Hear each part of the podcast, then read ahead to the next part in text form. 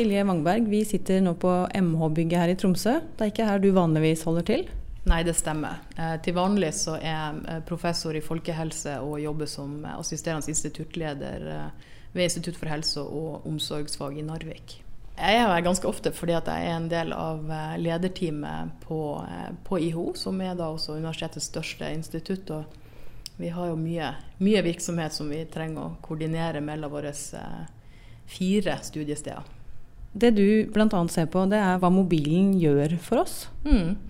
Eh, og mer spesifikt så er jeg veldig interessert i hva den kan gjøre i forhold til å støtte oss i å endre helseatferd eller livsstil relatert til helse. Man kan tenke at den kan være en slags eh, personlig coach. Eh, som kan følge oss og støtte oss og hjelpe oss. Og, den kan brukes på mange måter. Delvis så kan den være, være en sosial støtte. Det kan være en hjelp til planlegging. Det kan være en støtte til motivasjon.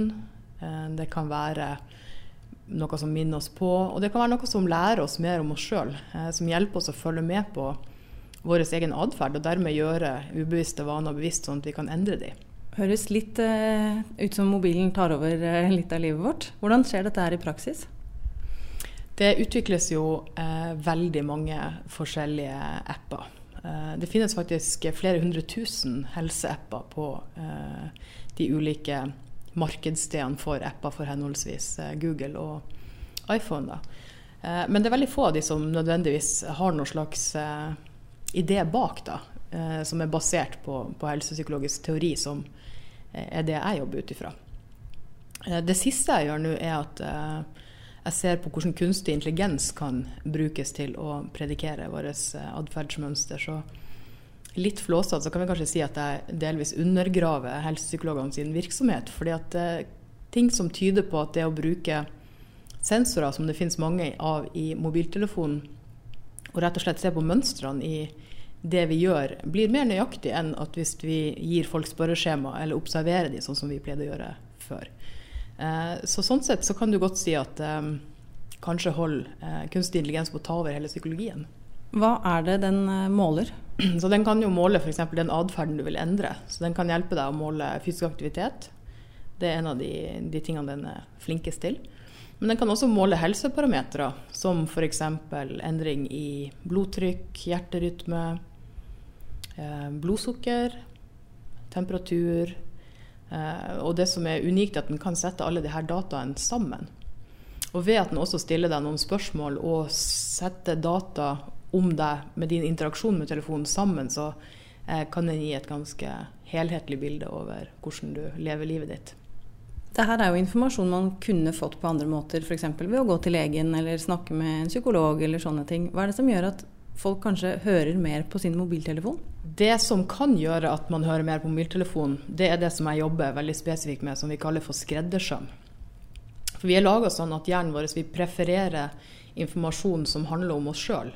Så hvis vi kan relatere noe til, til oss sjøl, eh, så forholder vi oss mer til det. Så når mobiltelefonen lærer noe om deg, og så tilpasser den det den gir tilbake, den feedbacken, eh, til det som er relevant for deg, den typen person du er, um, det livet du lever, så kommer det til å fremstå mye mer personlig relevant enn um, generisk informasjon fra en lege eller en psykolog. Men det er klart at en god lege og en psykolog gjør nettopp det. De gir deg personlig tilpassa eh, informasjon. Så eh, delvis så er det, kan du si at mm, det er en av de tingene vi tester ut. Det er om maskinlæring kan eh, være mer nøyaktig i å oppfatte atferd enn det eh, et menneske kan være. For en av begrensningene våre er at vi ser det vi forventer å se. Mens maskinlæring har, kunstig intelligens har ingen forventninger. Den eh, er åpen for alle muligheter. Men det er fremdeles noe vi ikke har testa ut godt nok til å vite. Men vi ser det på en del andre områder at eh, maskinlæring er i stand til å se mønstre som eh, vi ikke forventer at den skal finne.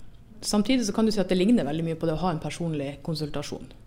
Forskjellen er jo at én psykologtime eh, er ganske dyr. Eh, og det er bare eh, ett menneske om gangen som får den. Mens f.eks. Når vi gir et røykesluttilbud over mobiltelefon, så kan 50 000 brukere som vi har på en app i Norge, bruke den samtidig. Og den er laga av én psykolog. Er alle disse appene like gode, eller er det noe man bør være oppmerksom på der? Man bør absolutt være oppmerksom, for det, eh, det er flere hundre tusen som i sekssifra antall apper. Og det er et fåtall av de som er basert på forskning. Så man bør alltid prøve å sjekke eh, hvem er det som står bak appen. Eh, er det sannsynlig at den er basert på forskning? Eh, og hva skjer med data man sender fra seg? For som eh, du kanskje aner, så er det mye data som kan samles inn av en mobiltelefon. Eh, så man bør være veldig obs på hva man gir den tillatelse til å samle inn. Og undersøke hva skal de her dataene brukes til og hvor blir det lagra hen. Men Hvordan kan dere måle at uh, noe fungerer og ikke i den forskningen som dere gjør? Det typiske er jo at vi måler, vi måler endring i atferd. Vi ser om folk blir mer fysisk aktive, eller om de røyker mindre, f.eks. Eh, det som, er, som, vi gjerne supplerer det med, det er jo indirekte indikatorer på at man har endra den atferden. Så hvis vi måler fysisk aktivitet, så ser vi kanskje om oksygenopptaket øker, Eh, vi ser om det er eh, mindre eh, avfallsstoffer i, i blodet hvis man slutter å røyke. Så ofte gjør vi det. Eller så ser vi på, på noe som jeg gjør mye, og ser på langsiktig total helse. Altså føler man seg friskere og raskere og har det bedre. Hva tror du er den største grunnen til at folk endrer atferd når de bruker disse appene? Jeg tror det er, det er litt individuelt. Og det er jo litt av poenget med det jeg jobber med, er jo at det er det er litt individuelt hva folk trenger for å endre atferd. Sånn at jeg vil at denne uh, appen skal tilpasse seg brukeren. Men når det er sagt, så tror jeg at det er en del ting som går igjen. Uh, og for noen er det med, med, å kunne Vi kaller det for selvmonitorering på fint, da, men det å kunne følge med på hva man faktisk gjør, det vet vi er verdifullt for veldig mange. Uh, og det å kunne legge veldig konkrete planer for den nye atferden man skal gjøre. Og så er det veldig viktig med sosial støtte for mange. Men der ser vi også tilløp til en liten kjønnsforskjell. Det ser ut som at sosial støtte kanskje er enda viktigere for kvinner enn for menn. Mens menn er veldig glad i å bruke uh, denne monitoreringa, og kanskje bruke litt ekstra duppeditter som GPS, uh, eh, pulsmåler og sånne ting. Når du sier sosial støtte, betyr det at man viser det fram og får feedback på det, eller hva handler det om? Ja, det er akkurat det det betyr. Uh, så vi har jo, I noen av mine studier så har vi laga egne Eh, nettsamfunn for de som, som, jobber med en livsstilsendring. Men det vi ser mer og mer, det er jo at folk tar i bruk eksisterende nettsamfunn også til livsstilsendring. Så f.eks. å poste statuser på Facebook om eh, trening og kosthold har blitt ganske vanlig. Hvorfor er det viktig å fortelle om? Ja, Det kan vi jo lure på, men det er nok en grunnleggende eh, belønning for oss mennesker å høre til i en flokk og få anerkjennelse. Så det vet vi at det er en, en av de tingene som for mange eh, er veldig belønnende og viktig. Disse appene har jo eksistert en stund. Kan man se noen trender der folk faktisk blir i bedre form, eller får det bedre med seg sjøl? Ja, det er et godt spørsmål. Um, jeg har prøvd å se litt på det faktisk på befolkningsnivå. Uh, men det er jo alltid litt vanskelig når man ser på befolkningsnivå, når man ser trender i helseatferd, og skulle si at ja, det har med mobiltelefon å gjøre. Så jeg tror det er litt mer komplekst enn det. Men det som, som, jeg ser da, er at eh, folk som bruker internett og mobiltelefon, det er jo også gjerne folk som i utgangspunktet har litt bedre helse, som kanskje har litt høyere utdanningsnivå, vet vi jo f.eks. har veldig mye med helseatferd å gjøre eh, i Norge. Så ser vi at de bruker da mer av denne type apper, eh, og også internettbaserte program. Og så bruker de gjerne litt mer av de appene som er mer effektive. Så de klarer å finne frem til det som er mer hjelpsomt. Eh, og så bruker de det i tillegg til å skaffe seg større ressurser. på en måte. De får tilgang til andre tjenester, til andre sosiale nettverk og mer eh, nyttig informasjon. Eh, og samla sett så kommer de ut med en enda bedre helse enn de hadde i utgangspunktet. Men det er da studier der vi ser på sammenheng. Sant? Vi går ikke inn og gjør um, kontrollerte eksperimenter for hele befolkninga. Så vi kan ikke være veldig sikre på hva som fører til hva. Men det er noen trender der som ser ut som det uh, At det kan ha en effekt. Eller at det er ett av mange verktøy som folk som allerede er opptatt av å ta vare på helsa si, bruker. Men Hva er grunnen til at du har fattet så stor interesse for det her, da? Jeg er veldig fascinert av helseatferd i utgangspunktet, for jeg tenker at det er et lite eh, mirakel egentlig for oss mennesker sånn som vi er bygd. Eh, at vi klarer å komme oss opp av sofaen og gjøre noe annet enn å ligge der og spise potetgull. For Vi har en viss tilbøyelighet til det for gode grunner. Det har vært noe som har vært veldig nyttig for oss for å overleve. Eh, og prøve å ikke bruke veldig mye energi og ta inn mye energi når vi kan. Eh, så det for også å utsette belønning umiddelbart for å nå mer langsiktige og kanskje litt abstrakte mål, er veldig vanskelig. Så det er det som gjør at jeg er veldig fascinert av det i utgangspunktet.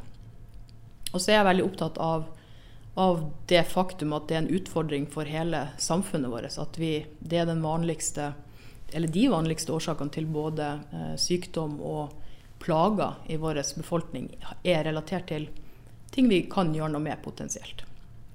Så jeg er veldig interessert i hva som Eh, vi kan bidra med for å gjøre det litt enklere for folk å gjøre noe som egentlig er vanskelig. Og da blir jeg veldig interessert i IKT, for det er noe som alle har. Eh, nå har eh, alle har en mobiltelefon, og nesten alle, 97% av den voksne befolkninga, bruker internett i løpet av en dag. Så det er et medium som, som når mange og gjør støtte tilgjengelig for mange. Teknologien har jo også pasifisert eh, en hel verden. Syns du det er et paradoks at enhver teknologi som gjør det lettere for oss å bli mer aktive? Jeg tenker jo at det er nettopp derfor, fordi at eh, det er noen elementer med teknologi som eh, kan være veldig fengende, så tenker jeg at det gjør jo at det er et godt medium. Vi hadde jo nettopp en liten trend i sommer med Pokémon Go, som jo dro, dro nye eh, populasjoner ut i, i, gåing. Ting har gjerne to sider, og det tror jeg nok eh, denne eh, typen eh, teknologi har også. Så det gjelder å utnytte, utnytte, mange av de elementene som gjør at det potensielt kan være passiviserende. Det er et medium, så vi kan bruke det til hva vi vil. Eh, kan også brukes til å være aktiviserende. Så det er en av de tingene vi er veldig opptatt av innenfor dette feltet. er eh, Spillifisering eller gamification. Hvordan kan vi gjøre det gøy å være mer fysisk aktiv? Har du et sånt eh, godt råd sånn på tampen til alle der ute, hva de bør gjøre i forhold til både helsa si og teknologi? Eh, ja, det er å kjenne etter hva som virkelig, virkelig er viktig for deg.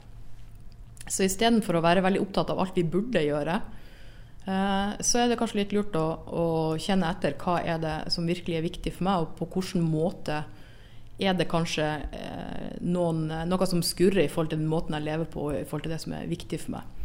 Og det gapet som kan være der, er lurt å ta utgangspunkt i når man skal finne motivasjon til å endre på ting. Hvis du skal spå inn i fremtiden, hvordan ser den ut?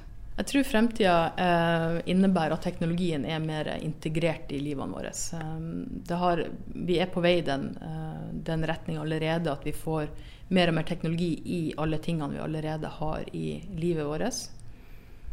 Eh, det blir enklere å bruke det. Det er ikke så mye bokser som vi må gå og interagere med adskilt, men alt samhandler med hverandre og er en del av det miljøet som omgir oss, og dermed forsterker de kognitive og sensoriske evnene som vi har.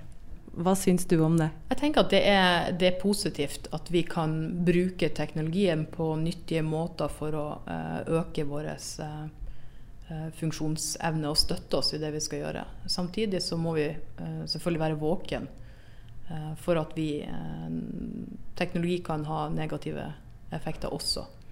Så det gjelder at vi hele tida er, er, opptatt av funksjonen eh, til det vi utvikler. Takk skal du ha. Sjøl takk.